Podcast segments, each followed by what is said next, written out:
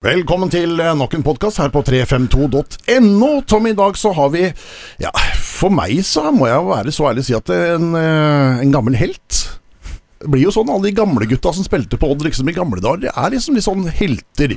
Vi var liksom nærmere de, og de var liksom rundt oss i gata, og det ble liksom Det var litt annerledes før, Lars Jørn Fredriksen, syns jeg, enn hva det er i dag med dere spillere som var på Odd. Det var, det var kanskje det. Jeg hadde litt på samme, samme måten sjøl. I gamle dager så var det sånn at når Tom og jeg var unge, så vi, var vi på fotballskolen. Vi hadde jo A-spillerne hele tida, f.eks. Mm. Ulf Moen og Bård Nilsen og Knut Seland, alle de, de, de, var jo rundt oss. Så det var liksom, de var heltene, det var de vi så opp til. Og Tidligere så, så vi vel også opp til juniorspillerne i sin tid når vi var guttspillere, så det var liksom litt på en litt annen måte, da. Ja.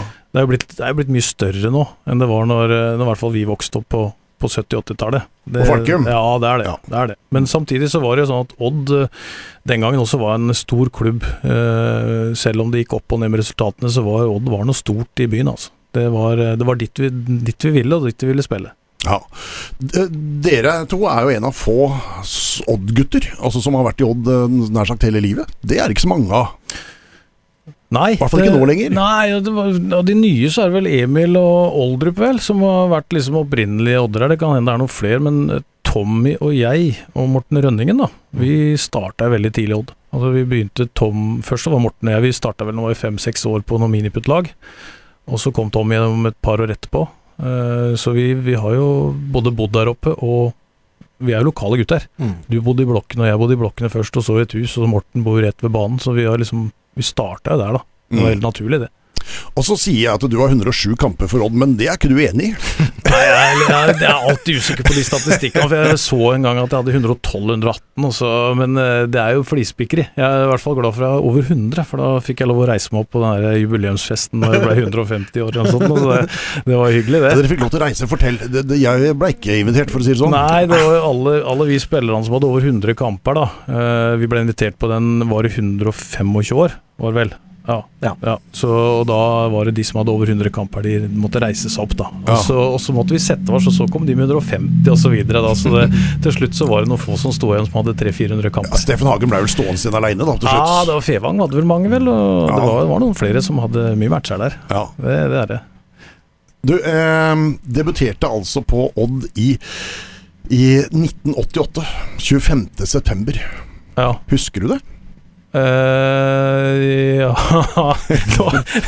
jeg husker, Det husker jeg best fra 88-sesongen. Det var at det, Da var jeg akkurat ferdig med førsteklasse på videregående, tror jeg. Så dro jeg i går på ferie til, med mora og faren min. Uh, og en god kamerat med som het Jan Petter Johansen. Så vi dro ned til sydøststrøk. Og så kom jeg hjem, og så ble jeg ringt opp av Lars Petter Øysa. Han hadde tatt over for Christer Bjørnbyr. Det er bare å pakke bagen og så komme til Vrådal. Og så spilte vi da kamp mot sånn sammensatt telemarkslag.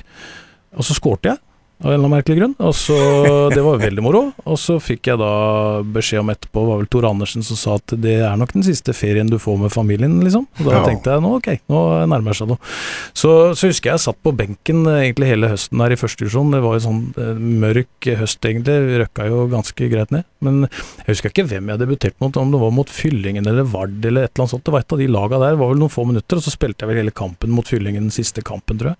Ja, eh, Vil du ha fasiten? Ja, få høre. Ja, du debuterte hjemme på Falkum mot Kvikkhalden. Kom inn i det 67. spilleminutt, så du fikk jo altså da 23 minutter pluss eventuelt tillegg, da. Var ikke verst. Nei. Nei det, da, da, vet jeg det. Jeg pleier å huske sånt. Altså, ja. det, det er. Og så var det en tur til Haugesund eh, i kamp nummer to. Da ble det bytta inn etter 15. Ja, det var mot Vard, tror jeg. Nei, ikke Vard. Haugar, Haugar heter ja. det. Det var jo Ole Martin og de to Johansen-guttene. Ja, de var jo unge den gangen. De var gode. Det var og så tapte vi, for det var to, det var to ja, De som havna i Lillestrøm og ja, sånn? Ja, det gjorde det. Mm. Så vi, vi røkka vel ned begge laga, tror jeg. Eh, men de viste seg jo fram for en veldig fin måte, de to guttene der, husker jeg. Jeg husker de var gode mm. på landslag og sånt. Ja. Og så siste kampen det året der som var, som du sier, hjemme mot Fyllingen. Da står du 90. Ja, og da spilte jo Det er mange som spilte den kampen som har bare én kamp for Odd. For da var det veldig mange som fikk A-kamp som spilte på underlaget. Da rakna jo A-laget, mange slutta, og vi sto igjen med veldig få. Så hvis du var fra Falkensområdet og hadde fotballsko, så var du, fikk du nesten være med? Nei, det var ikke akkurat sånn, men det var, det var, vi hadde, altså på den tida så hadde vi, vi hadde gode juniorlag, vet du. Hele tida. Eh, Så det var ganske bra spillere her. Men eh, det var, det var nok en årsak til at de fikk den kampen, ja. Jeg ser jo at det er et par gutter som har spilt fotball her før, som var med på den kampen. Ja, det er jo det. Erik Holtan står i mål, eh, Frank Herregården spilte, Bård Homstøl, du ja, mm, Ja. mm, Hoggen, Per Vetle, Roger Eng. Ja. Det er vel de som jeg kjenner igjen her sånn veldig. Og så er det vel noen ukjente juniorer, tenker jeg. Det er noen jeg ikke helt kan sette fingeren på her, ja. Ja, som var kamerater av oss, da. Så fikk kampen sin. Er litt moro. Men du, altså, altså, så er du Odd ganske lenge, men så, så tar Odd-karrieren plutselig slutt. Eh, Du havner i Tromsø. Fortell. Ja, det var altså det, vi, vi, vi kom jo opp Tommy kom opp også i 89, tror jeg. Eh, Og vi var vel eh, en gjeng unge gutter som egentlig spilte da annendivisjon. Og, og særlig 90-sesongen så fikk jeg det vel egentlig ganske bra til. Og da tror jeg var Tor Andersen og Tor Rønningen som var trenere her. Altså de mente de den gangen at eh, Odd var annendivisjon, det var ikke nok for meg, da. Så det var jo hyggelig av de å si at du må prøve å komme, komme seg videre. Så da fikk jeg tilbud om å prøvespille i Tromsø Start. Og så Da var Tromsø det første stoppsted, og så endte det med prøvespill der to ganger. Og så fikk jeg kontrakt da, i Tippeligaen med de. Veldig ålreit. Kjempelærerikt år. Veldig langt å reise for en 19-åring, men uh, det var uh, Der spilte jeg sammen veldig mange gode spillere. Altså Det var et eh, sånt Tromsø hadde jo fått sølv i 90 med Tommy Svensson. Han ble da landslagstrener i Sverige. Og så sto igjen med de veteranene med Lars Espejord og Nils Solstad og Truls Jensen og alle de veteranene der, pluss en veldig god Bjørn Johansen. Eh, mange gode spillere. Så kom det veldig mye unge. Altså På benken så var det da Runar Berg, Steinar Nilsen, som senere ble proff i Milan, Arne Vidar Moen. Mange gode spillere. Så det var fantastisk lærerikt år, og vi endte vel på en fjerde-femteplass. Så eh, jeg likte meg der. Burde kanskje holdt ut litt lenger, men jeg må innrømme at både hjemlengselen og mørketid var litt eh, var, var, var heftig. Så eh, det er mange ting jeg har angra på etterpå, at jeg slutta for tidlig og dradd og sånn, men eh, for jeg har vært i flere klubber. Men akkurat det å Tromsø burde jeg jo nok vært et år til. Mm. Og så var det en tur innom Godset.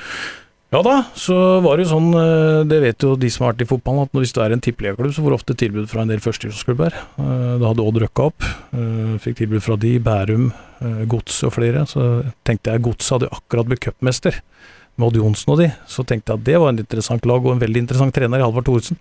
Ja. Så da dro jeg dit. Spilte, spilte en halv sesong eh, godt, uh, syns jeg sjøl. på høyre midtbane, tror jeg. Eh, og spilte jo sammen med Vegard Hansen, som nå er i Mjøndalen, og Odd Johnsen og Storskogen og mange gode spillere. Og så fikk jeg en kraftig lyskeplage. eh, som jeg har skjønt nå i ettertid, at det er veldig mange av de unge guttene vi har trena som har hatt det samme. Altså sånn vekst- vekstproblematikk. Du blir, blir, er ikke helt ferdig i lysken. Og så, så sleit jeg med det, og da var jeg skada i åtte måneder, faktisk. Oh. Uh, og det var egentlig sabla synd, for det at Strømsgodt som spiller på Marienlyst, det er en fantastisk plass. Veldig bra supportere, bra klubb, det er skikkelig fotballinteresse. Litt sånn likt Skien, egentlig. Så det var en veldig fin arena og en plass å være. Mm. Så dro jeg da til, til Odd for å liksom komme meg igjen, da, i 93. Og så det i hvert fall det jeg kanskje husker best, var eh, noen sesonger i Lyn som virkelig eh, hadde fått eh, sving på karrieren igjen. Nei, det var egentlig Først så, først så var jeg Odd, og så var jeg Da kom jeg dit Da lå Odd på nest sisteplass i Andersson, akkurat røkka ned fra først. Og så skåra jeg masse mål, da skåra jeg ni på tolv kamper eller noe sånt nå. Ja. Og, så, og så fikk vi da 5-94, så fikk Det var liksom egentlig i mitt hud så er det starten på oppturen til Odd. Mm. Da røkka vi opp fra, fra første- andre divisjon til første. Fikk inn veldig mye gode spillere. Einar, Einar Rossbakk og Erik Pedersen kom fra, fra utaskjærs, holdt jeg på å si. Kom tilbake med profferfaring. Og så hadde du da Tor Arne, Erik eh, Holtan eh, kom etter hvert, eh, 95, Knut Helge. Kurt Sem, Torjus Hansen, Ronny Deilav, mange gode spillere. Så endra vi da systemet midtveis 94 til 4-3-3. Og siden det så har Odd spilt mer eller mindre 4-3-3. Mm. Så røkka vi opp. Det var der det starta. Jeg, jeg sånn føler, jeg føler liksom at det 4-3 og litt- starta 4-3-3 Ja, ja, ja. starter der med litt sånn breie indreløpere og sånn. Tom Nordli sier at han fant opp det, men det var egentlig Tor Arne og jeg havna breit på, på, på 95 eh, på 4-3-3-en. Vi lå liksom breit, vi skjønte at det var der det var rom. Og så Den gangen så var det ikke så organisert, så Knut Helge lå liksom helt aleine i midten, og så hadde han god plass i 95. da. Så 4-95 er det siste året jeg hadde, og det var fantastisk gøy. Men Var det Lars Borgar allerede da? Det var? Lars Borgar, Ja. Han tok det fe- 94. Og så havna jeg da i Eik, eh, spilte der. Det var der jeg var, kanskje var på det beste. De fire siste året i Odd pluss de fire åra i Eik. Da, da var jeg god, og da da var jeg litt uheldig med, med Den gangen var det kontrakter, ikke Bossmann. Så jeg hadde kontrakter hele tiden. Da jeg fikk tilbud fra tippeligaklubber, så ble jeg stoppa av kontraktene mine, egentlig. Og det var innmari irriterende, for da var jeg liksom fra 24 til 30-31. Mm. Og det var da liksom du skulle eh, tatt steget. Men det fikk jeg aldri gjort, og det irriterte meg. Så da gikk jeg til Lyn, da. Ja. Ja, nå er jeg ferdig med siste kontrakta der. Ble det nedturen til Lyn? Altså, var du med på det når det egentlig smalt, eller? Nei, det var eh, motsatt. Det var Da hadde Brynstad penger. Ja. Jeg hadde kjøpt eh, Lyn for en krone. Eh, og så blei vi kjøpt inn en seks stykker som da hadde vært gode i Obos-ligaen. Eh, Frode Fredriksen, Kittil Løvik, meg sjøl, flere spillere som ble kjøpt inn. Og så klarte Vidar Davidsen å ta det laget opp. Vi var jo klare for opprykk etter en 15-16 kamper, det var bare seire i første divisjon. Og så røkka vi opp. Og så nok en gang så fikk jeg en knallsmell i leggen, altså skadesmulla igjen. Og så ja, ville de egentlig selge meg, men jeg holdt, holdt noe ut. Og var der eh, til midtveis i, i 2001, da. Og da dro jeg til Ørn Horten etter det. Men det var også veldig moro å være med, med Lyn både i første divisjon og tippeligaen, for da spilte jeg sammen med eh, de kameratene mine de mener at jeg liksom aldri er imponert over noen ting, ingen spillere og sånn, særlig når jeg spilte sjøl. Det, kanskje det er sånn det er når du spiller, men da fikk jeg spille med Da var Hassan Fakir og Runar Berg kanskje på sitt beste. Eh, Runa kanskje litt på hell, men han var veldig god i Rosenborg. Han kom fra Venezia, og Hassan kom fra Monaco, tror jeg. De var gode. Da var det ikke lett å få spille, men det var moro å være sammen med så gode spillere på nært hold. Da. Så det likte jeg. Når du ser tilbake på karrieren din, for du, du fikk vel mer enn litt eh, i Tollnes før du ble helt slutt? Ja, nei, jeg, jeg, det er det er som han klubber, vet du. Så Ja. jeg, jeg blei jo kjøpt av Ørn Horten. Så jeg var med på det siste ja. halvåret da Helge Fjell blei eh, æresmedborger av Horten by. For han skåra på overtid mot Vålerenga, så holdt plassen. Da var jeg kaptein der, da. Og så fikk jeg tilbud fra Tollnes, og det Ikke noe forkleinelse for Tollnes, men det er nok det dummeste valget jeg har gjort. For da bodde jeg i Oslo begynte å pendle hjem og sånn. Det var egentlig dumt. Da burde jeg egentlig vært i Ørn, spilt i Skeid, som jeg også har tilbud fra. da. Så det var, det var en tabbe, og da, da kom nedturen. altså da, da begynte det litt sånn på retur litt for tidlig for meg, egentlig. Men så var jeg i Tollnes da i fire eller fem år. Spilte mye andredivisjonskamper der, for vi røkka ned etter et år og sånn. Så jeg var der lenge. Mm. Så avslutta jeg med å være spillandstrener i Skottfoss, til Tommy kom og tok over for meg. Det stemmer. I Skottfoss. Du, eh, når du ser tilbake på karrieren, hva sitter du igjen med som høydepunktet, sånn rent sportslig? Nei, altså jeg har jo ikke Høydepunktet for meg, det er jo, det er jo alle opplevelsene at Jeg har jo ikke sånn som Tommy og flere som har cupfinaler og landskamper og sånn, men jeg har jo spilt veldig mye mange kamper. Jeg har hatt veldig mange opplevelser. Sånn som i jobben min nå, så er det, det er veldig ålreit å ha vært på fire forskjellige nivåer, egentlig. Eh, brorparten var jo på nest høyeste nivå, men altså det, jeg har opplevd mye. Vært borti mange, fått mange gode kamerater. Vært borti og spilt mot og med veldig mange gode fotballspillere. Så var det artig liksom å, å røkke opp med Lyn, og, artig, og, og det var kjedelig å tape kvalik til tippeligaen med Eik, Tønsberg f.eks. Moro å røkke opp med Odd i sin tid. Altså, sånne ting er jo veldig artig som du tenker tilbake på. Men når jeg tenker tilbake på, på min fotballkarriere, så var det den derre gleden over spillet. Ønsket om å gå på trening, det å treffe kamerater hver dag. Så når noen spør meg åssen var treninga, åssen var den kampen, sånn, jeg husker det nesten ikke, men jeg husker bruddstykker, men jeg husker kameratskap, jeg husker den der gleden av å drive med det jeg gjorde. Og de som liksom slutter når de er 19 år og sånn, de har liksom ikke opplevd det som var virkelig moro med fotball. Altså. Uh, og jeg sier til de som uh, ja, sånn som Espen Ruud, og det kunne jeg godt sagt, det hold på så lenge som mulig. Mm. Ikke gi dere, for det, det, er, det er fantastisk moro, det er en kort tid. Men uh, ja, når du sitter som 50-åring snart, så skulle gjerne holdt på litt til. Ja, For, det, for det, er jo, det er altså, jo noen som husker absolutt alt. Altså, Du husker den pasningen de slo ut på kanten der, eller den skåringa mot det laget, og hvordan du traff på ballen. Altså, Det er noen som er helt sånne. Så er det andre som Tommy, da, som ikke husker noen ting. Nei, jeg, jeg har bra, jeg, han husker ingenting. Jeg har en bra historie på Tommy. Ja, Eh, det, var, det var når vi var nede, vi var nede i Tyrkia på treningsleir med skolen, og så Så sitter vi vel eh, på rommet ditt eller sånt, og så kikker vi på Champions League. Det er i hvert fall Borussia Dortmund mot et eller annet lag, og så ser du den fantastiske gelbe vann, vet du. Mm. Veggen bak. Og så, så, så, så, så er det en eller annen som sier fy søren, tenk å spilt for det der, det måtte vært helt fantastisk. Ja, sier Tommy, det måtte det vært. Og så kikker jeg på han, ja, men har ikke du gjort det? Jo, han hadde spilt det et par-tre ganger. Ja, det må jo nødt ha gjort. Så det hadde glemt. Ja. Nei, jeg vet ikke. Det er, jeg faller litt ut innimellom, liksom. På en Ja. måte. Men Så- du, hadde en fin en i Brøndby òg. Ja, det er sikkert. Vi, var- vi er jo, har jo vært på treningsleir i Brøndby flere ganger. Og så går Tom og jeg og Vi bor jo da Brøndby stadion er jo svær, og det, så er vi, bor vi rett ved siden av på noe som heter Team Danmark. Det er Danmarks Olympiatoppen. Så går vi liksom derfra bort på klubbhus for da vi skulle spise, og så sier Tommy til meg det er noe kjent med den her plassen her. Syns liksom jeg har jeg vært der før? Og så begynte han å tenke ja, han hadde vært der på treningsopphold som 18-19-åring. Ja, ja, ja, så det, ja. stemmer. Så han hadde glemt det. ja. Nei, men du har jo rett, du har rett Kim. Jeg, det er mange ting som jeg ikke husker. Så Ja. det er et eller annet som kobler opp i Bortsett, bortsett fra én pasning eh, Ja. på Stavanger stadion eh, i 6-0-kampen mot Italia, den husker du. Den, eh, den husker jeg. Og så husker jeg også veldig godt eh, pasningen i cupfinalen mot Rosenborg. Den også husker jeg faktisk veldig godt. Ja. Til Hel Helgi som stikker den eh, mellom. Og skåringa mot Holtan på Nadderud. Ja, den også er sånn som man husker. Eh, Øyeblikket, som det ble kalt på VG-børsen. Det var ingenting som skjedde, det var bare øyeblikket. Så, men Holton prøvde liksom å hoppe helt opp i hjørnet, men eh, at, han hadde jo litt ekstra kilo der, så det, det blitt Altså, det er umulig uansett. Nei, ja, det var kanskje litt stygt sagt. Jeg må slette opp. Hei, Erik. Hei, Jeg tenkte på en ting, Kim. Du spurte om høydepunkt i fotball. Noe av det moroeste jeg har vært med på med fotball, det var det juniorlaget som Tom og jeg var delaktig på. Ja. 89-90. Da spilte vi noe som heter Borg Cup. Eh, og det var et sånn uoffisielt Norge, eller Sør-Norge-mesterskap i sin tid. 89, da vant vi 3-1. Eh, da skåra jeg to mål. Tommy var banens beste, jeg ble kåra til banens beste. Året etter så tapte vi finalen. Vi vant først mot Sandefjord. Eh, da blei Tommy kåra til banens beste, og da tror jeg jeg var banens beste, så vi bytta litt på den kanten her. Men det er noe av det moroeste. Det laget vi hadde på juniorlag i 89-90, med, med de guttene som var med den gangen, det var fantastisk moro. Godt fotballag, bra trener. Og da fikk, det var den eneste cupen vi fikk lov å spille sammen. For vi var syv, seks eller syv som var spilt A-fotball.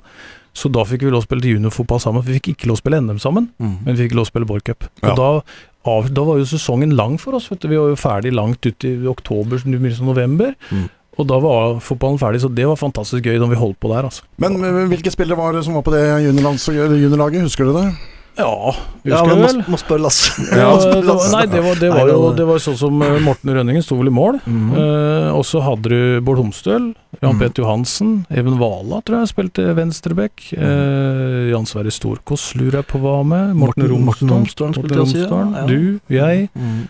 Lasse Hansen var med, fetteren din. Ja. Eh, det var eh, Erik Sneltvedt. Mm. Ben Roger Elvenes. Eh, nå, er, Mange nå, nå er jeg litt redd for at jeg har glemt noe, Ja, for det var veldig det- mange gode fotballspillere. Ja, Ja, vi glemmer noen, men det var veldig mange bra, altså. Ja, det, det var var veldig moro. Så bra typer òg. Veldig bra typer. Herlig. Eh, Lasse Jørn, vi har ikke eh, tatt deg inn bare for oss å prate om gamle dager. Nei, For, for, for vi skal prate om uh, Telemark toppidrett. Uh, altså, det er Du, du er fagansvarlig i fotball. Ja. Og, og du har jobba der sånn i ja, så lenge jeg kan huske. Altså, hvor, hvor lenge har du jobba der? Starta i Toppidrettsgymnaset ble jo starta i 2005, med første kullet på høsten der. Og jeg begynte der i, i februar 2008, når eh, første kullet var på vei ut. Dvs. Si Gullsvik og Lekven og Niklas Bergseth og den gjengen der. Ja. 89-kullet, tror jeg. Lekven er vel 88, for han er litt eldre enn andre, men det er 89-kullet. Så det begynner å bli 12-12,5 år siden. Eh, dere har altså skapt så mye fotballspillere på den skolen at det er helt ellevilt. Og du som, som, som fagansvarlig fotball da, sitter du litt sånn høyt der borte, eller er litt sånn Nei, det, det, det tror jeg er noe av det viktigste vi ikke gjør. Altså Vi tenker at hardt arbeid over lang tid det er den eneste måten å gjøre på hvis du driver med utviklingsjobb. og jeg vil si at det, har vært veldig mange som har gjort en flott jobb der. Altså Det starta jo med Morten Rønningen som var involvert i, i oppstarten. Veldig flink i starten her, og, Even Vala var involvert. Og så Knut Helge gjorde en kjempejobb, syns jeg, som fagansvarlig de åra han hadde det, med å komme med de nye ideer og få inn folk og skape et team og sånn. Eh, og så har jo, og så fikk vi inn da Louise og Eirik som har vært med lenge, Hansen altså. Eh, og så kom jo Tom inn etter hvert, og du har, vi har hatt mange Terje Abrahamsen ikke minst vært der lenge. Eh, Aksel Rød, og vi har hatt et, et team som har holdt på veldig lenge. Så, og så har vi fått inn fine folk nå i etterkant, sånn som Simon Dish, som er en talentfull trener, Knut Rønningene. Eh, så vi har hatt veldig mye fine folk inne eh, over lang tid. Mm. Og så er det som eh, Jeg tror nok nøkkelen er altså Hvis du skal drive med utviklingsjobb, så er det to ting. Det, det første det er at du må ikke tenke at du skal få så veldig mye ære sjøl. For det, det får du ikke. Det er det er andre som tar. Altså de som har laga og sånn. Det må du bare innstille på at det setter deg litt sjøl litt tilbake. Og så må du like jobben din og ha den over tid. At du må like å jobbe og holde på, holde på, holde på. holde på. Og Hvis du tenker sånn kortsiktige resultater, da kan du slutte med det med en gang. Det, det går ikke. Hvor, hvor mange fotballspillere Har du noe nummer på det? Har du noe tall på hvor mange dere har klart å produsere der sånn siden eh, 2005? Eh, Tenker du på de som hadde toppen, eller de som har vært der? Ja, altså Man har blitt fotballspillere. Altså På Ja. proffkontrakter, eh, spilt i eh, Ja, Vi hadde tall på det. altså I forhold til Hvis du tar førstedivisjon tippeliga, der har vi jo, der har vi jo en uh, tall på en rundt 46 som har vært innom det. Uh, og da er vel en eh, 36-35 som fikk kontrakt i Odd, og de andre har ikke fått det. Type Alexander Betten, da, som uh, gikk sin vei via Fram Larvik, Mjøndalen, juniorlaget til Tommy først og sånt noe. Eh, og og Erik Rosland som nå er i Ullkisa sånn. Og så har du Vi har fått fram en del jentefotballspillere. Nå er det vel Noreide Lie som er den som har nådd lengst og er på Lillestrøm. Eh, og så har jo noen vært i toppserien. Mange har vært i toppserien. Noen holder på en av første divisjon og sånt nå. Så jeg har ikke tallet på antall jenter, men at det er en 10-15 stykker, det tror jeg, som har spilt førstedivisjon og høyere. Eh, og så er det jo annendivisjon, der er det veldig mange. Da, da tar jeg ikke med de som har spilt eh, for annetlaget Odd, for det teller ikke, syns jeg. Det er, der er du med som junior. Men altså, du, at du spiller på Sånn som King Callen har vært en, eh, en spilt, spilt nå i Arendal noen år nå, Vindbjart før det, og Sebastian Fredriksen i Fløy, og du har mange av de som er rundt omkring. Mats Romsdalen som nå er i Nardo og sånn, så du har mange spillere rundt. Og så er det selvfølgelig Det er jo de som når liksom de tre øverste nivåa da, på jente- og guttesida. Men så er det mange som spiller liksom fjerdedivisjon og, og tredjedivisjon og nedover. da. mm. Og så er det dessverre en, en mengde, noen som slutter også. Det, det, sånn er det. For, for deg, På de samme 15 åra så har du hatt enormt med elever. Ja, du kan si altså første avgangsskole, la oss si at det er for 12-13 år siden, og så har du i snitt sånn 20-25 elever hvert år som går ut. Så ganger opp det med 10, så er det 250, si at det er rundt 300 350 fotballspillere. da. Så, så nå, nåløyet, selv om man er på toppidrett, er allikevel ganske lite. Ja, det er trangt, fordi vi har eh, gjennomsnittssøkinga de siste åra har vel ligget på en sånn 70-80 elever, og så tar du inn et sted mellom 25 og 30, kanskje. Så det er én til tre som kommer inn.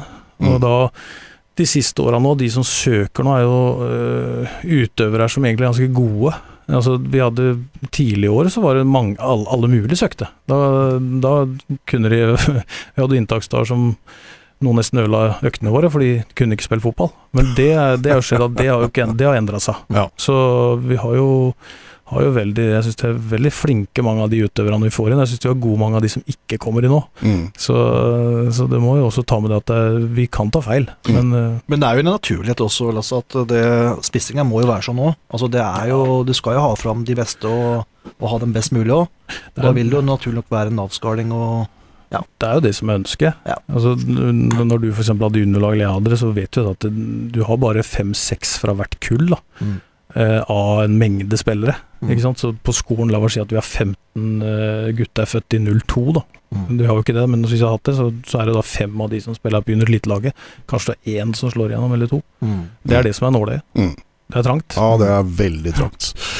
Kan du forstå de foreldrene som sier at dette har blitt litt sånn eliteskole, litt for de rike, og mange som føler et visst press på at de må ha inn barnet der sånn for også at de skal på en måte lykkes?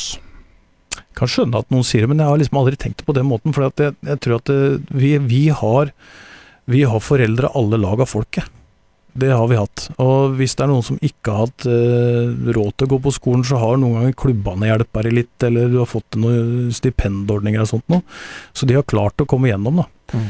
Og så er det mange som eh, syns at det er veldig ålreit å gå på den skolen, for den, den er jo, det er jo veldig tett voksenkontakt. Så det er jo det er et veldig oversiktlig system. Men det er klart at det, du, kan, du, kan, fint kritisere privatgymnas. Det, det, det, er lett å gjøre det. det uh, ja, Det er kanskje mer i denne ungdomsskolebiten som jeg har hørt snakk på. da. At, er, uh, at man begynner så tidlig der at man må inn fra, fra 8. klasse, liksom. Ja, nei, men ungdomsskolebiten er jo helt annerledes. For det, det, å gå på ungdomsskolen der er ikke dyrt. Jeg har jo datter selv som går på ungdomsskolen der, så det, det, vet jeg. Det er ikke dyrt i det hele tatt. En tusenlapp i måneden eller sånt nå. Mm. Så det har alle råd til. Mm. Men videregående er nok litt, litt, dyrere, men da får du litt mer igjen for pengene. På, eller du får ikke noe mer igjen for pengene, men altså det er, det er, det er um, Ungdomsskolebiten er billigere, for du får mer tilskudd enn du gjør på et, på et videregående skole. Mm. Sånn at uh, alle har råd til å gå på det vil jeg påstå, alle har råd til å gå på ungdomsskolen hvis du kommer inn. Mm. Det, og jeg tror de fleste klarer seg etter hvert på videregående òg. Det er vel det er noen som syns det er dyrt og velger å ikke søke, da. Mm. Det må være ærlig på det. Uh, men de fleste kommer seg igjennom. Og tror ikke de angrer noe på det heller. Men, Men hvis, hvis, du liksom søker på skolen vår med tanke på at sønnen din eller dattera di skal bli toppspiller og tjene penger på dette her seinere, da tror jeg ikke det tror jeg ikke du får til. Da skal du ha flaks. For det er bare noen få som får til. Ja. Uh, er det noen spesielle spillere, personer, uh, som har gått på skolen som du sitter igjen med etterpå, som bare Der er jeg litt stolt av, faktisk. Den har kommet gjennom. Ja, egentlig jeg har, Tommy og jeg har prata om det mange ganger, men jeg har alltid hatt en sånn formening om at uh, du skal aldri gi opp en elev.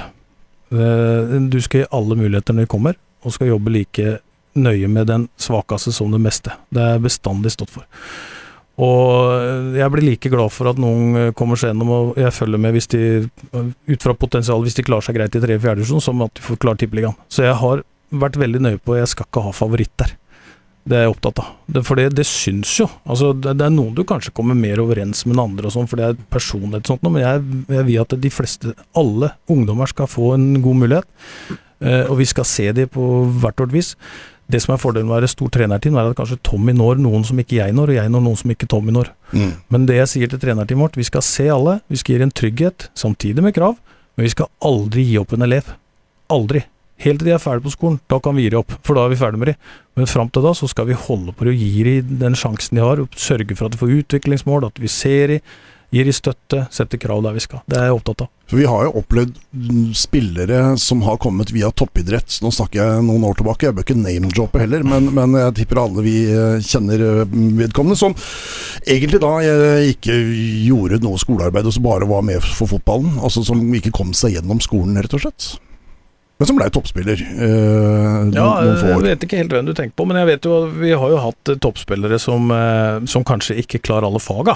Det, det er jo sant. Eh, og, eh, men vi legger til rette for at de skal kunne det. De får ja. ekstraundervisning og alt, så det er det opp til de sjøl, egentlig. Ja. Og vi har eh, toppspillere nå rundt omkring i norske land som har klart de aller fleste faga, men kanskje kan mangle ett eller to fag, og da hender det noen av de ringer meg, de klubbene, og spør om hvordan ligger han, hva var han klarte, hva, hva, hva fikk han ikke til, hva, hva gjør vi der? Mm. Hvilke fag trenger han? Så sender jeg det videre til den på skolen som har det. Altså. Så det er ikke sånn at vi tar inn noen som vi tenker er vi, vi, gjør det vi kan for at de skal komme seg gjennom. For mm. skole er viktig uansett om du blir proff eller ikke. ja, jeg har så lyst til å si hvem det er òg, men det kan vi ta etterpå. eh, Tommy, du har jo jobba der oppe. Eh, hvordan var det å jobbe der? Du, eh, det var veldig trivelig. Eh, det var et kjempearbeidsmiljø. arbeidsmiljø. og så er det jo også sånn i forhold til det vi jobber med, i hvert fall, som hele tida skal pushe og skal kanskje også bryte noen barrierer, sette kravene litt høyere, bryte noen grenser, så vil det være gode diskusjoner, vanskelige diskusjoner, utfordringer. Det var det titt og ofte, men det var, det var til syvende og sist ganske sunne diskusjoner. Uh, og vi var veldig nysgjerrige på hverandre i forhold til opplevelser og erfaringer, og, og, og, stilte noen vanskelige spørsmål også. Men du verden for et arbeidsmiljø det var, i hvert fall når jeg jobba der, uh, som jeg satte veldig pris på. Det, det, det er sånn som satte seg i ryggmargen veldig. Uh, og det tror jeg også Lasse kan skrive under på, ikke bare de åra der, men jeg tror det har vært det har, det har vært sånn alltid der. At arbeidsmiljøet både, både på, kan du si, eh, trenerdelen eh, på, på, på, på, idrettsdelen, men også da på lærerdelen, har jeg hatt inntrykk av. Det kan jo du svare mer på, Lasse. Jo, altså jeg sitter med samme inntrykk som deg, men jeg tror eh, på enhver arbeidsplass er det viktig å ha noen kontinuitetsbærere som er der litt over tid, både på lærer- og leder- og trenersida, egentlig. Som egentlig står for de rette verdiene. Vår, vårt mantra er jo med mot, respekt, engasjement, utvikle morgendagens utøvere. Vi er opptatt av morgendagen. Mm. Er opptatt av de gode verdiene i bånn, eh, og det jobber vi mye med. Det er samme hvem, hva slags type spiller du er, om du er den beste på skolen eller du er en sånn middels. Det, det skal vi jobbe med. Og vi har en ungdomsgruppe som er akkurat lik eh, alle andre, med sine utfordringer. Ungdom er ungdom. De, de har en utvikling som er en hjerne som ikke er på plass helt, eh, for den er ikke på plass før det er par og tyve. Så det, og sånn som Tommy sier, eh, vi har ganske mange heftige diskusjoner på en jobb. Fordi vi, vi tenker at vi må helt utvikle oss. Vi kan ikke stå stille. Så hvis kommer tilbake, hvis Tommy hadde kommet tilbake nå, så hadde han tenkt at ja, det er jo likt som det var før, men kanskje det er noe annet som vi har forandra på. For fotball er fotball, for eksempel. Eller vi har mange idretter. Ja, det er ferskvare. Det er ferskvare. Altså. Så du må holde deg litt oppdatert. eh, Det går, det går fortere og fortere, trangere og trangere rom. Men det vi dreiv med, var jo, eller driver med, det er å utvikle spillere som har en bra nok fysikk. Først og fremst det, men det aller viktigste er at de kan behandle ballen. Og, og, og ha en oversikt som gjør at de kan bruke det de har. Det er det vanskeligste i fotball. Det er det du gjør med ballen. Mm. Det er det å ha god nok teknikk, og det å ha oversikt. Dere er altså en, en privateid uh, både ungdomsskole og, og videregående. Eh, hvor, kan du sammenligne det med noe? Altså, uh, I og med at dere spisser så voldsomt til fotball som, som det dere gjør. altså Dere har jo andre linjer også, men Mm. nå snakker vi om fotball med deg. Kan vi sammenligne med et akademi i England? Kan vi sammenligne med hva Stabæk holder på med i, i, inne i Bærum, som henter niåringer? Altså, er det noe Kan vi sammenligne med noe? Nei, altså vi er jo Du kan sammenligne oss med NTG Bærum. Det er nok det likeste. Det er jo Det er eh, NTG-systemet, Vang-systemet, vi og Haugesund toppidrett er de eneste toppidrettsgymnasa i Norge som har godkjennelse for Olympiatoppen ut fra sine kriterier. Mens eh, veldig mange kaller seg toppidrettslinjer. Både Hjalmar og Porsgrunn og Kragerø og flere, men de er ikke toppidrett. Det det er, de, de kan godt si at faget er sånn, men det, det er langt unna. Så nå har vi fått noe som heter toppidrett og konkurranseidrett, som bare vi har. Uh, toppidrettsgymnaset, og det synliggjør de ti timene vi har, pluss at vi har for- og ettermiddagsjobbing. Altså vi jobber jo jeg jobba jo på dati, så tar jeg meg litt fri på et- ettermiddagen. Så drar jeg ut på kvelden veldig ofte og kikker på disse spillene ute og prater med trenere og går på kurser og sånt noe. Så det likeste er nok NTG, NTG tror jeg. Så, men Stabæk og, og eh, de andre som akademier, det, det har ikke vi. Odd har ikke heller akademi. Eh, Selv om det heter akademiklassifisering, så er det sånn de jobber veldig godt i klubben, men vi har ikke akademi i den forstand. da.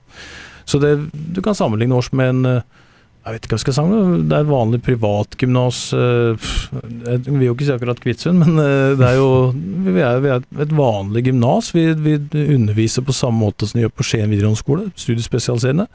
Og så driver de som er hos oss, er- de prøver å bli best mulig i sin idrett. Så noe akademi er vi ikke. Vi er, vi er en skole som tar vare på elevene våre, lar de få lov å prøve å bli best mulig i sin idrett, samtidig som vi samarbeider med klubber rundt. Egentlig. Reiser dere rundt, uh, studiebesøk i utlandet, få input, uh, få tips og råd, eller er det, har dere funnet deres greie? Ja, det er litt begge deler. For at du Vi har jo Treningsleirene våre har jo vært to ganger i året. Den ene leiren har jo ofte vært å prøve å oppsøke miljøer som, som vi snakka om med Brønnby, da. for å spille mot utenlandske lag, snakke med trenere og sånn. Eh, og så har vi en treningsleir på våren hvor vi reiser til sydligere strøk og, og prøver å møte god motstand. Mm, En liten digresjon er Tommy sitt lag f.eks. hadde Betten på høyrebekken i Tyrkia. Han møtte da han eh, som spiller Kasper Dolberg. Betten kledd av Dolberg. Dolberg ble solgt fra Silkeborg til Ajax. Så vi møter den type motstand. Og så har vi hatt et samarbeid med Valencia-akademiet, eller Universitetet i Valencia. Der har jo Knut Helge vært nede på Hagen, da. Vært nede på og, hatt foredrag og også innlegg og fulgt med. Og vi har da utveksling med litt studenter og sånn fra, fra Valencia-akademiet. Og så er vi jo har vi veldig mye dialog med, med Odd da, og klubbene rundt. Altså alt fra Porsche og Hei til, til Odd. Så vi følger med på det som skjer rundt. da. Og så er det cupfinaleseminaret, selvfølgelig, som vi alltid er på. Et par ganger i hvert fall annethvert år. Mm. Eh, det fins jo altså da mm, Du har dette på mannen din, Tommy. Eh, Både med Bodø-Glimt, med Stabæk, eh, med Odd, som har forskjellige løsninger på akademier. Fortell om øh, Les i manuset ditt nå, gutten min. Ja, ikke sant? Fikk jo en melding her om dagen at jeg måtte ha litt tydeligere manus. Du er flink. Så nå, er, nå har jo det skjedd. Hilse til velkommen der. Nei da, men eh, jeg har notert litt ned her nå. Og, nei, men altså eh, det, det pågår jo til stadighet en debatt i norsk fotball om spillutvikling. Og det er vel ikke noe tvil om at Stabæk, Bodø-Glimt, eh, Odd, Vålerenga blir ofte nevnt. Ofte nevnt.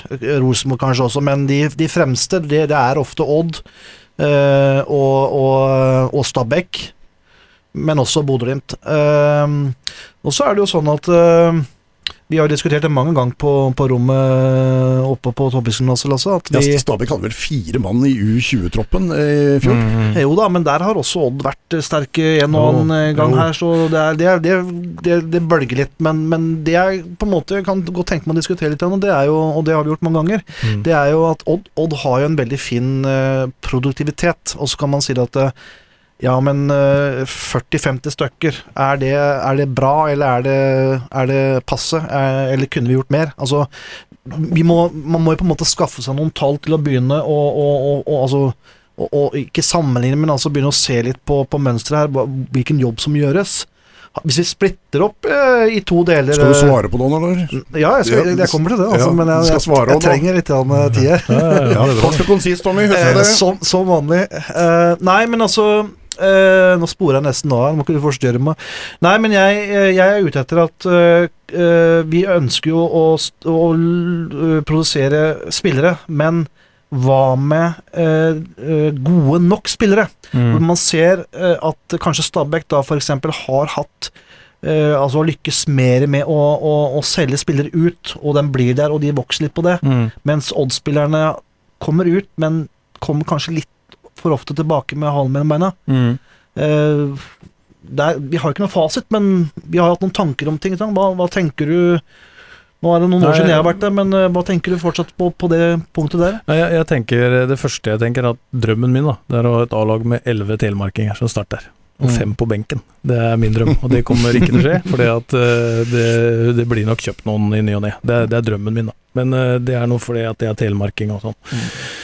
Eh, når det gjelder talentutvikling av Norge, syns jeg det har skjedd veldig mye bra. Ser du på landslag, aldersbestemte landslag, og heldigvis så har vi noen inne her i ny og ne. Og så må vi huske på at Telemark, eller Grenland, da, Mm. som egentlig vi får flest fra, det er et ganske lite område. Det er Mm. ikke så mange å ta av. Så da, da må vi gjøre best mulig ut av de få vi får til. Mm. Ikke sant? Ta Filip Jørgensen, ikke sant? i fjor spilte Dana Cup med Kragerø og fikk lånt til å være med der. Spilte junior rekrutt for Odd på høsten, så plutselig er han inne, og så spiller han da A-fotball nå, fordi Dag Eilef tok han opp sammen med Rønning og de, og så tar Jan Frode og gir han sjanser på et A-lag, og spiller kanonbra. Kanskje banens beste i debuten. banens Altså. beste, ikke sant. Mm. Og det er sånn Vi som har sett den, ser at dette her er et spesielt blikk. Mm. Eh, men han har vokst av 15 cm, ikke sant? så det er ikke noen garanti for at det blir en A-spiller, men han får en sjanse, og da har han muligheter. Jeg syns Odd har vært flinke til å ta inn spillere, gir dem muligheten, og gir dem muligheten over tid. Odin Mm. Bjørtuft syns jeg har blitt en kjempestopper. Jeg syns ikke han var kjempestopper de to-tre første kampene, men jeg syns han har blitt det. For han har fått tillit og tillit og tillit. Mm. Og Derfor så må vi gjøre best mulig ut av de spillerne vi har. Og så er det spørsmålet da eh, Du snakka om Stabæk, de driver bra Mm. på sitt vis. De har mange proffer ute, de har drevet lengst. Mm. Altså NTG har begynt jo på 80-tallet, de har drevet eh, enten med Lyn eller Stabæk. Og få fram mye flere proffer og Ja. profiler enn hva vi gjør. Ja, altså De får i hvert fall fram proffer, men vi har jo profiler i våre spillere her. Ja. Og så har vi, vi har nå to tippeligalag, vi som spiller ute. På Linseth var kanskje banens beste mann mot Rosenborg i første timen i går, og du har Bergan og du har flere rundt. Men så er det det Hvem er det som har eventuelt et ansvar for å få de opp på et høyere nivå ut i profferten? Mm. Og vi skulle gjerne da sagt at det, det skal toppidrettsgymnaset klare, vi skal hjelpe til i hvert fall. Men Mm. så samtidig så er det A-lags, eh, den som en til hver tid Mm. eh, Når de er rundt A-laget, at de får trena godt med godspillere, at de kan da utvikle seg, bli gode der, og så prøve seg ut og så ha den ballasten som skal til. da. Mm. Og det er spørsmålet om hvordan du skal få det, men det jeg eneste måten å gjøre det på, er at du kommer deg ut og så får testa deg ut. Mm. Uh, så, så jeg har også venta på den. Jeg vet ikke, jeg har ikke noen løsning på det. Vi har Nei. diskutert masse, men jeg har ikke noen løsning på hvordan du skal få en A-landslagsspiller, hvordan du skal få en, en proff som lykkes. Mm. Det, jeg syns det moroeste var den gangen både Fredrik og Elba de ble solgt ut. Det Mm. var jo moro. Og så Oldrup og sånn. Jeg skulle gjerne håpe at de holdt seg lenger ute, men på et eller annet tidspunkt så får vi til det òg. Mm. Eh, men det tror jeg kanskje er enda mer eh, Altså Vi må jo bygge opp sammen med Odd-systemet et, et fundament som gjør at de er gode nok til det. Men Mm. om vi får til det, vet jeg ikke. Men vi jobba jo for det hele tida. For lista begynner å bli ganske lang over spillere som har kommet ut av eh, deres toppidrettsgymnas eh, gjennom Odd, og som blir profesjonelle fotballspillere. Kommer hjem med halene til beina etter ganske kort tid. Uh, der, der har du forskjellige skjebner. ikke sant? Det er noen som, som kunne slått det, men som var uheldige med skader. ikke sant? Kommer hjem. Noen som kanskje ikke hadde så lyst til å reise, så, men gjorde det pga. hjelpeklubben. Og så er det andre som er der ute fortsatt og kjemper og jobber. Så det er litt sånn forskjellig, egentlig. Eh, eh, tenker på Elba som var i Brønnby, de hadde kjempetro på ham. Han hadde jo en lyska som aldri ble bra. Han kunne sikkert slått godt gjennom der. Så, så det er noen spillere som uh, Fredrik Sems nesten ble latterliggjort i dansk media og, mm, etter en del uh, uheldige situasjoner i Brøndby. Eh, Torgeir Børven med skader, Uh, Fredrik Oldrup Jensen ikke kommer gjennom, Rafik Seknini uh, kommer ikke gjennom, må bli lånt ut til nivå to i Holland. Altså, det begynner å bli noen spillere. Ja, men det, hvis du tar motsatt, så har de iallfall kommet seg ut. Ja, Så de har jo fått erfaring. Ja. Og det, det, er jo, det er jo kjempebra, det. Altså, øh, Det som, det som jeg føler ofte har, eh, som, som jeg har tenkt på, da, eh, nettopp i denne materien her, hva, hva kan være viktig å gjøre tiltak for å nettopp få dem til å være der ute? Og da har jeg tenkt litt på det som du nå nevnte, Kim, at eh, det ofte forekommer skader. Hvis du tar med John Kitolano også, når han Mm, kom over Nå mm. vet jeg ikke hele Ja. historien rundt det, men det, det viser seg at man kommer fra et eh, nivå i Norge og ut, Mm. og så opplever veldig mange et sånn, sånn eh, Ja, de får det bare rett i trynet. Eh, hvor de da må jobbe beinhardt. Mye hardere enn det man er vant til. Eh, kanskje på en litt annen måte også. Eh, jeg kan jo fortelle det når jeg dro ut som 27-åring. Da var jeg klar for det, både mentalt, men også eh, altså styrkemessig balanse, alt sammen. mm. Så at det, at det må ligge noe der som gjør at man er ikke forberedt fysisk nok. Det tror jeg nesten jeg tør å si at der, der må det jobbes hardere. For hvorfor jeg sier det også? Vi hadde en lang debatt, ofte, Lasse, Mm. eh, på gymnaset, eh, hvor vi snakket om hvordan spillerne kom inn til gymnaset. Hvor forberedt de var, eh, og hvordan de så ut rent fysisk.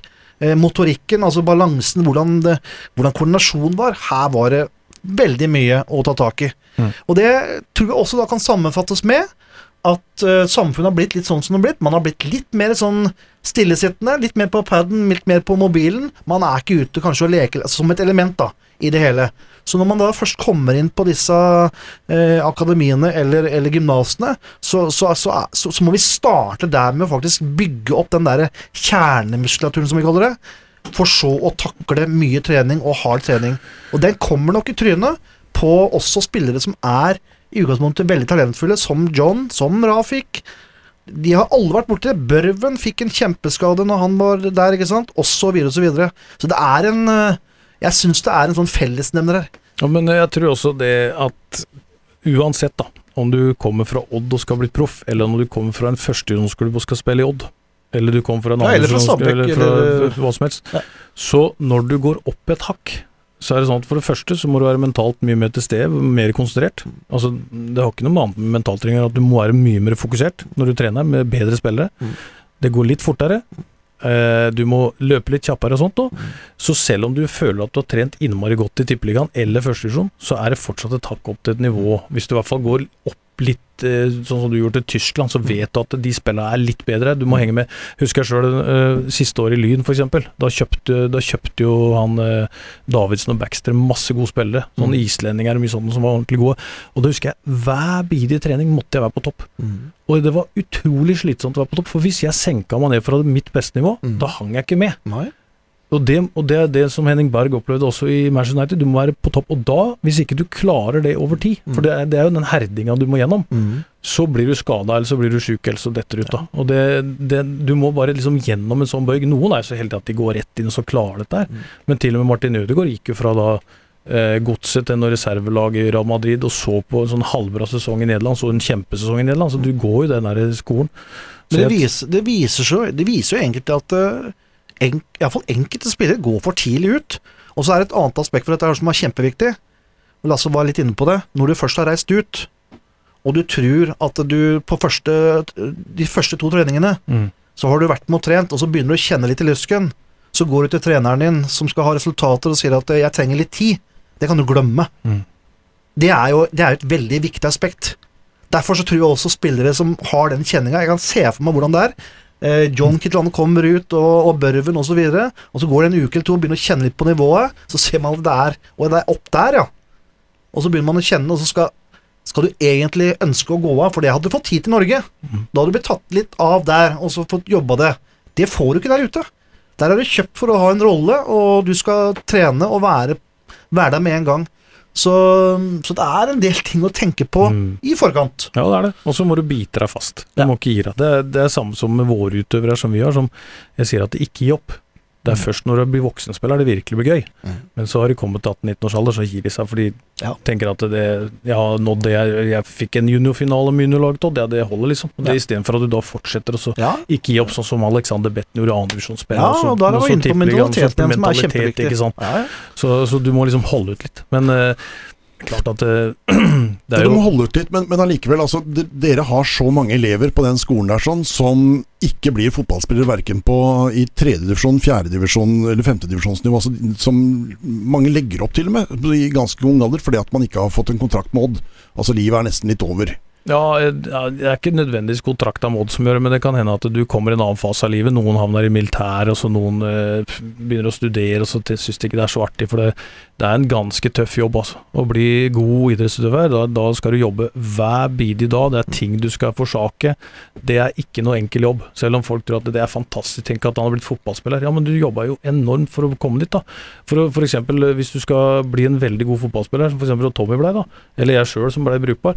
Så var vi på slett først og trena med laget, så var vi på sletta på Odd eh, i flere timer etterpå til mødrene våre ropte på siden og sa om å komme hjem. Mm. Så du holder på timevis i årevis i barnehagen, så ender du da, så begynner det liksom å leine seg litt til fra 16-19, så du får lov, kanskje noe A-fotball og sånt, og, så er du, så, og da begynner du kanskje med første oppkjøringa di, ordentlig oppkjøring når du er 17. Mm. Og så skal du holde på det som Steffen Hagen til du er 7-38 år. 20 år med knallhard oppkjøring, kamper, tøffe kamper. Det, det krever stamina, det, vet du. Mm. Det er, ikke, det er ikke noe som uh, Gud og hvermann klarer, selv om alle tror og sitter på tribunen og mener og sånn. Det er knallhardt. Mm. Mange av de guttene, sånn som Kaasa, de, vet du, de, de har vært skada, de har kjempa seg tilbake igjen. Eh, Oldrup hadde så vondt i lyskene, han og Grøgaard et år, de holdt Mm. et halvt år, og så måtte de trene opp, og så var det, var i gang igjen. Så det er, det er en knallhard jobb.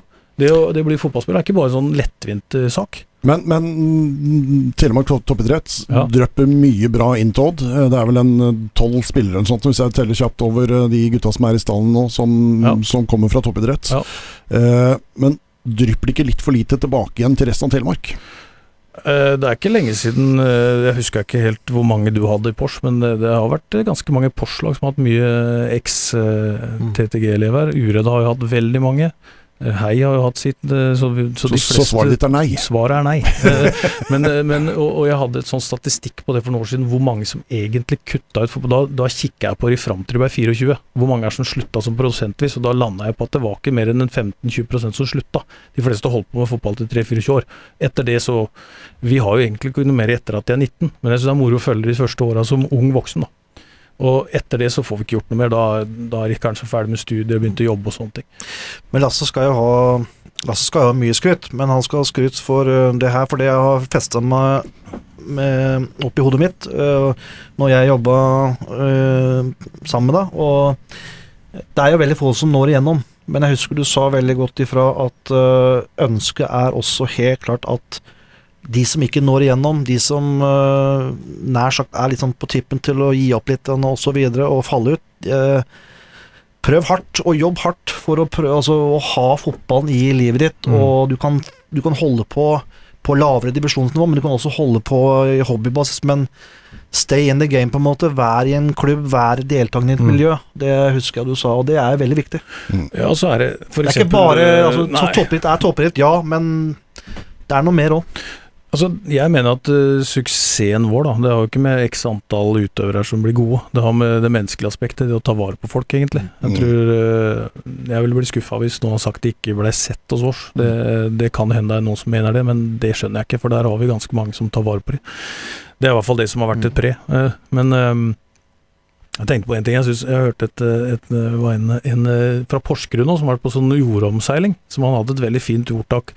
Og Det var Roald Amundsen som hadde sagt at du trenger ikke hell og lykke hvis detaljene er på plass. Og Det syns jeg egentlig er ganske bra, for det, det, har jeg tenkt på mange ganger. Hvis du jobber med de rette tinga og er nøye og grundig, så trenger du ikke noe lykke til. For mm. da, da, klarer du det, da. Mm. Men, men hell og lykke det trenger du hvis ikke du har godt nok forberedt. det. Ja, godt sagt. det er... Meget godt sagt. Hvor er uh, Titt om ti år? Nei, forhåpentligvis så er vi fortsatt en, eh, en innovativ skole som har eh, mye bra idrettsungdom, og, og, og at vi, mange av oss jobber der ennå. Da er jo undertegnet nærmer seg 60, så vi får se om jeg står på feltet ennå. Tipper at vi fortsatt er still going, jeg. Men håper at vi da at vi kunne sitte her og prate, at vi da hadde fått sammen knekt koden på å få profesjonelle spillere ut også, ikke bare til Odds A-lag, det hadde vært ålreit. Men vi, vi, er sånn oppe hos oss er det sånn at vi, vi ønsker å bli gradvis bedre hele tida, vi lærer hele tida. Derfor så er det viktig at du har folk som har vært her over lang tid, og få inn ung, friskt blod, sånn at de også lærer seg kulturen, men har den derre pågangsmotet som du, som du har i sånn 25-30-35-årsalderen. Mm. Så jeg håper at vi fortsatt er en bra skole og at vi har eh, gode elever. da. Og at eh, Kragerø de har vel en hvert uh, tiende år nå som blir uh, kanongod, omtrent? Kragerø er jo flinke, da, hvis du ser liksom nedover nå, så de er jo flinke både på håndball. Her har de solgt, eller ikke solgt, men de har sendt et par stykker til Larvik. Og så har de et par jenter som uh, To-tre jenter det siste året som jeg er litt lei meg for ikke vi fikk, men de, de har valgt da NTG inn i Oslo. Eh, og så har du da de Jørgensen-guttene og flere som kommer. Eh, er, de er flinke der, altså. De har noe sånn eh, kull innimellom som, som er bra. Mm. Jeg tenkte det, bare, det, var et navn som slo inn i hodet mitt nå. Philip de Laveris. Ja. Du har sikkert mer kontroll på han, men det også er jo en tittgutt. Eller TTG-gutt. Ja, det var morsomt, Tommy. For det, det var jo Philip Han vi så han på um, Det var egentlig faren hans som tok kontakt med meg, han Georg. Mm. Eh, og lurte på om han kunne komme til, til Titt, da, mm. som det het den gangen. Nå heter det TTG. Og så måtte jeg ringe til Viggo Strømme, som var eh, sjef på NTG i Bærum, for det gjør jeg alltid mm. når det kommer elever derfra. Mm. Og så viste det seg at Philip han ville ikke til Stabæk, han ville til Odd. Og mm. så fikk vi sett den på en sånn inne på Olympiatoppen, så var det ungdomsskolen der, skulle vise fram øvelser. Så så du dette råskinnet av en en gutt, da. Enorm fysikk. Så, fantastisk fysikk. Ja. Så tenkte vi ja da, hvis vi har en ungdomsskole så blir vel alle sånn, men de gjør jo ikke det. Men uh, han, uh, han, var rå mm. fysisk. Og så snakka jeg med Tommy og sa at uh, han, han, hvis vi skal ha en han, så må han på junior elitetroppen. Og Tommy mente at det var greit. Så mm. tok vi den inn. Og så begynte vi å jobbe med den der. Mm. Så han, jo, han gjorde veldig bra etter hvert, og dro vel til Vitesse, var ikke det? Vitesse i Arnhem. Ja, ja, så vi hadde tekstmeldingen med her i høst, men, eller når han gikk, men etter det har jeg ikke prata noe med han. Men jeg håper det går bra med han. Ja.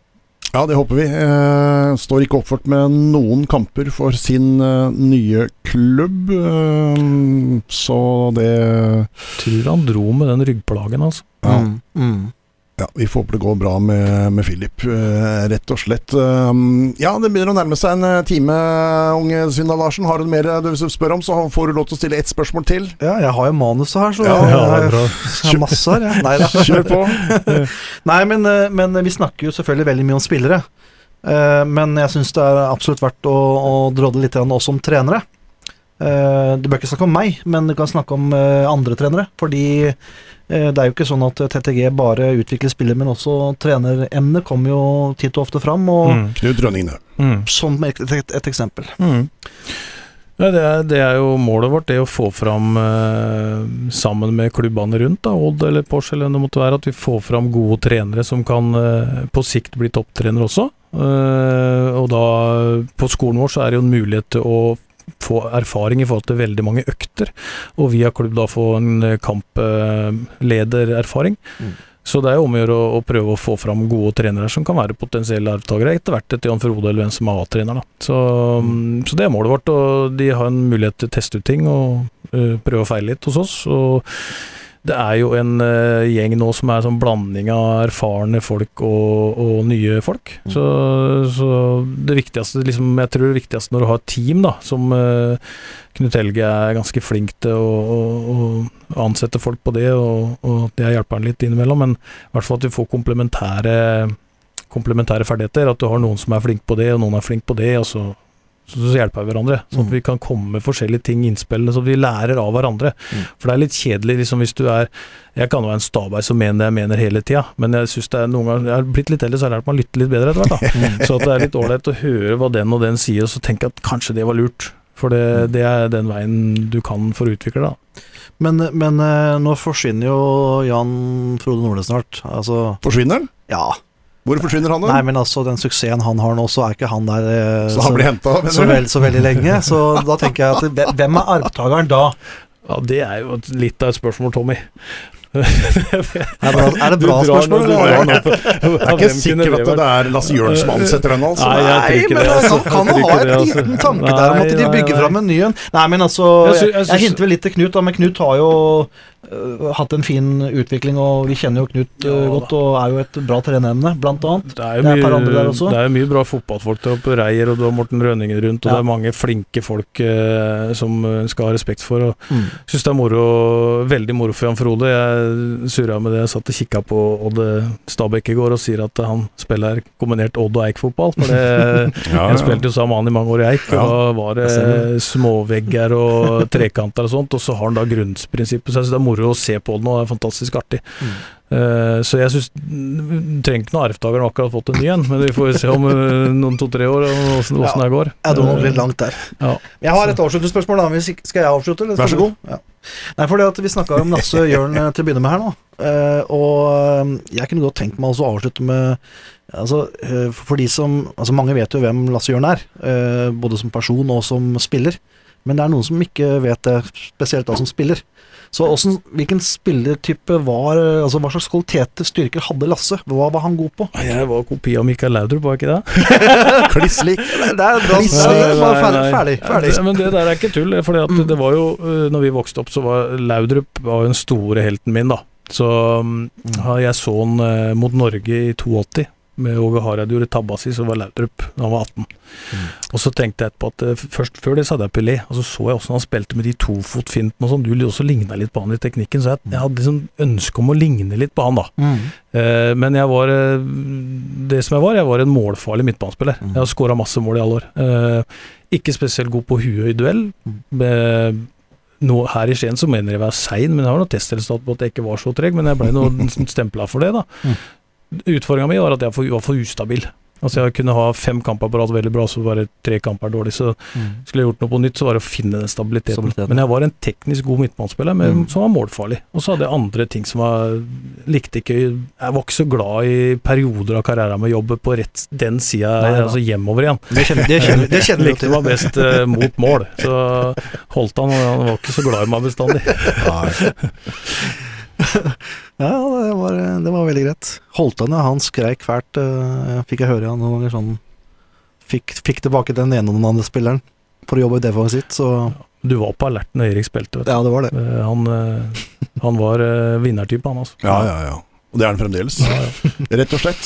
Eh, mine herrer, én time i gode venners lag. Det går styggfort, og nå er det jaggu meg gjort. Tusen takk, eh, Lasse Jørn, for at du tok turen fra toppidrettsgymnaset på Skagerrak Arena hit til Porsgrunn for å prate med Tommy og meg. Så er vi tilbake igjen uh, seinere i denne uka sånn, med nok en podkast. Da skal vi prate med en ulykkesfull Tommy. Ja, det skal vi. Eh, Da får vi på plass eh, Tobias Lauritzen. Eh, Det blir morsomt og spennende. Ja, jeg skal ikke si trist, men eh, litt sånn trist eh, Jo, det var jo det. Det var jo det. Det var jo det. Det var jo trist. Når han endelig Eh, lykkes og får tillit, og så går det på den. Det er jo trist. Det, det var trist. og så Moro med Tommy hadde jo han på juniorlaget, da. Og så Tommy han hadde en tendens til å sette opp laga sine med ni sentrale midtbanespillere, og så to som ikke var da, så det, han fikk det sånn spillende som han ville ha. Så Lauritzen var jo sentral midt. Ja. Og så var det en gang du skulle på ferie, så jeg måtte steppe inn som vikar og ha han borte mot halsen. Mm. Da spilte Lauritzen spiss, og Ja. han hadde altså så mange sjanser. Jeg tror vi har sagt det, og vi har sett på han, husker jeg ennå. Ja. Han burde skåra fem i første gang. Men, Ja. du, men du så litt, det var jo du som ville ha han fram som spiss der, og vi så potensialet inn, egentlig. Ja, At han har det, vet du. faen. på, på Eurosport sånn, de vet jo ikke det at han er innmari god med ballen. Han er tekniker så det holder, han. De tror Han, bare han han er litt sånn uh, Tor André Flo-type. Veldig. Og så tror de det at han er stor og sterk og kan heade, men han, det kan det òg. Men han er veldig god med ball. Mm. Det blir morsomt og, og, og spennende å få han i studio, og ja, det, er, det blir artig å snakke om hans eh, reise, og jeg må jo si det at eh, både du og jeg og kjenner den jo godt, i og med at vi har hatt den da på, på junior elite og i, i, på toppgymnaset, så, det- så der har vi jo Der skal vi fyre litt løs. Så jeg kan bare sette meg tilbake i godstolen, og du, du bare styrer hele showet, Tommy. Ja, jeg har Ja. noen bra historier på Det er bra, det er bra. Det er bra. Du mangler bare Kåsa og så rart begge Ja, to. Kåsa, Ja. Kåsa og Odin har jeg vært i kontakt med, så de kommer, de òg. Okay. Det er bra, det. Det er bra. det er bra Ok, eh, mine herrer, eh, så tror jeg vi bare sier takk for i dag.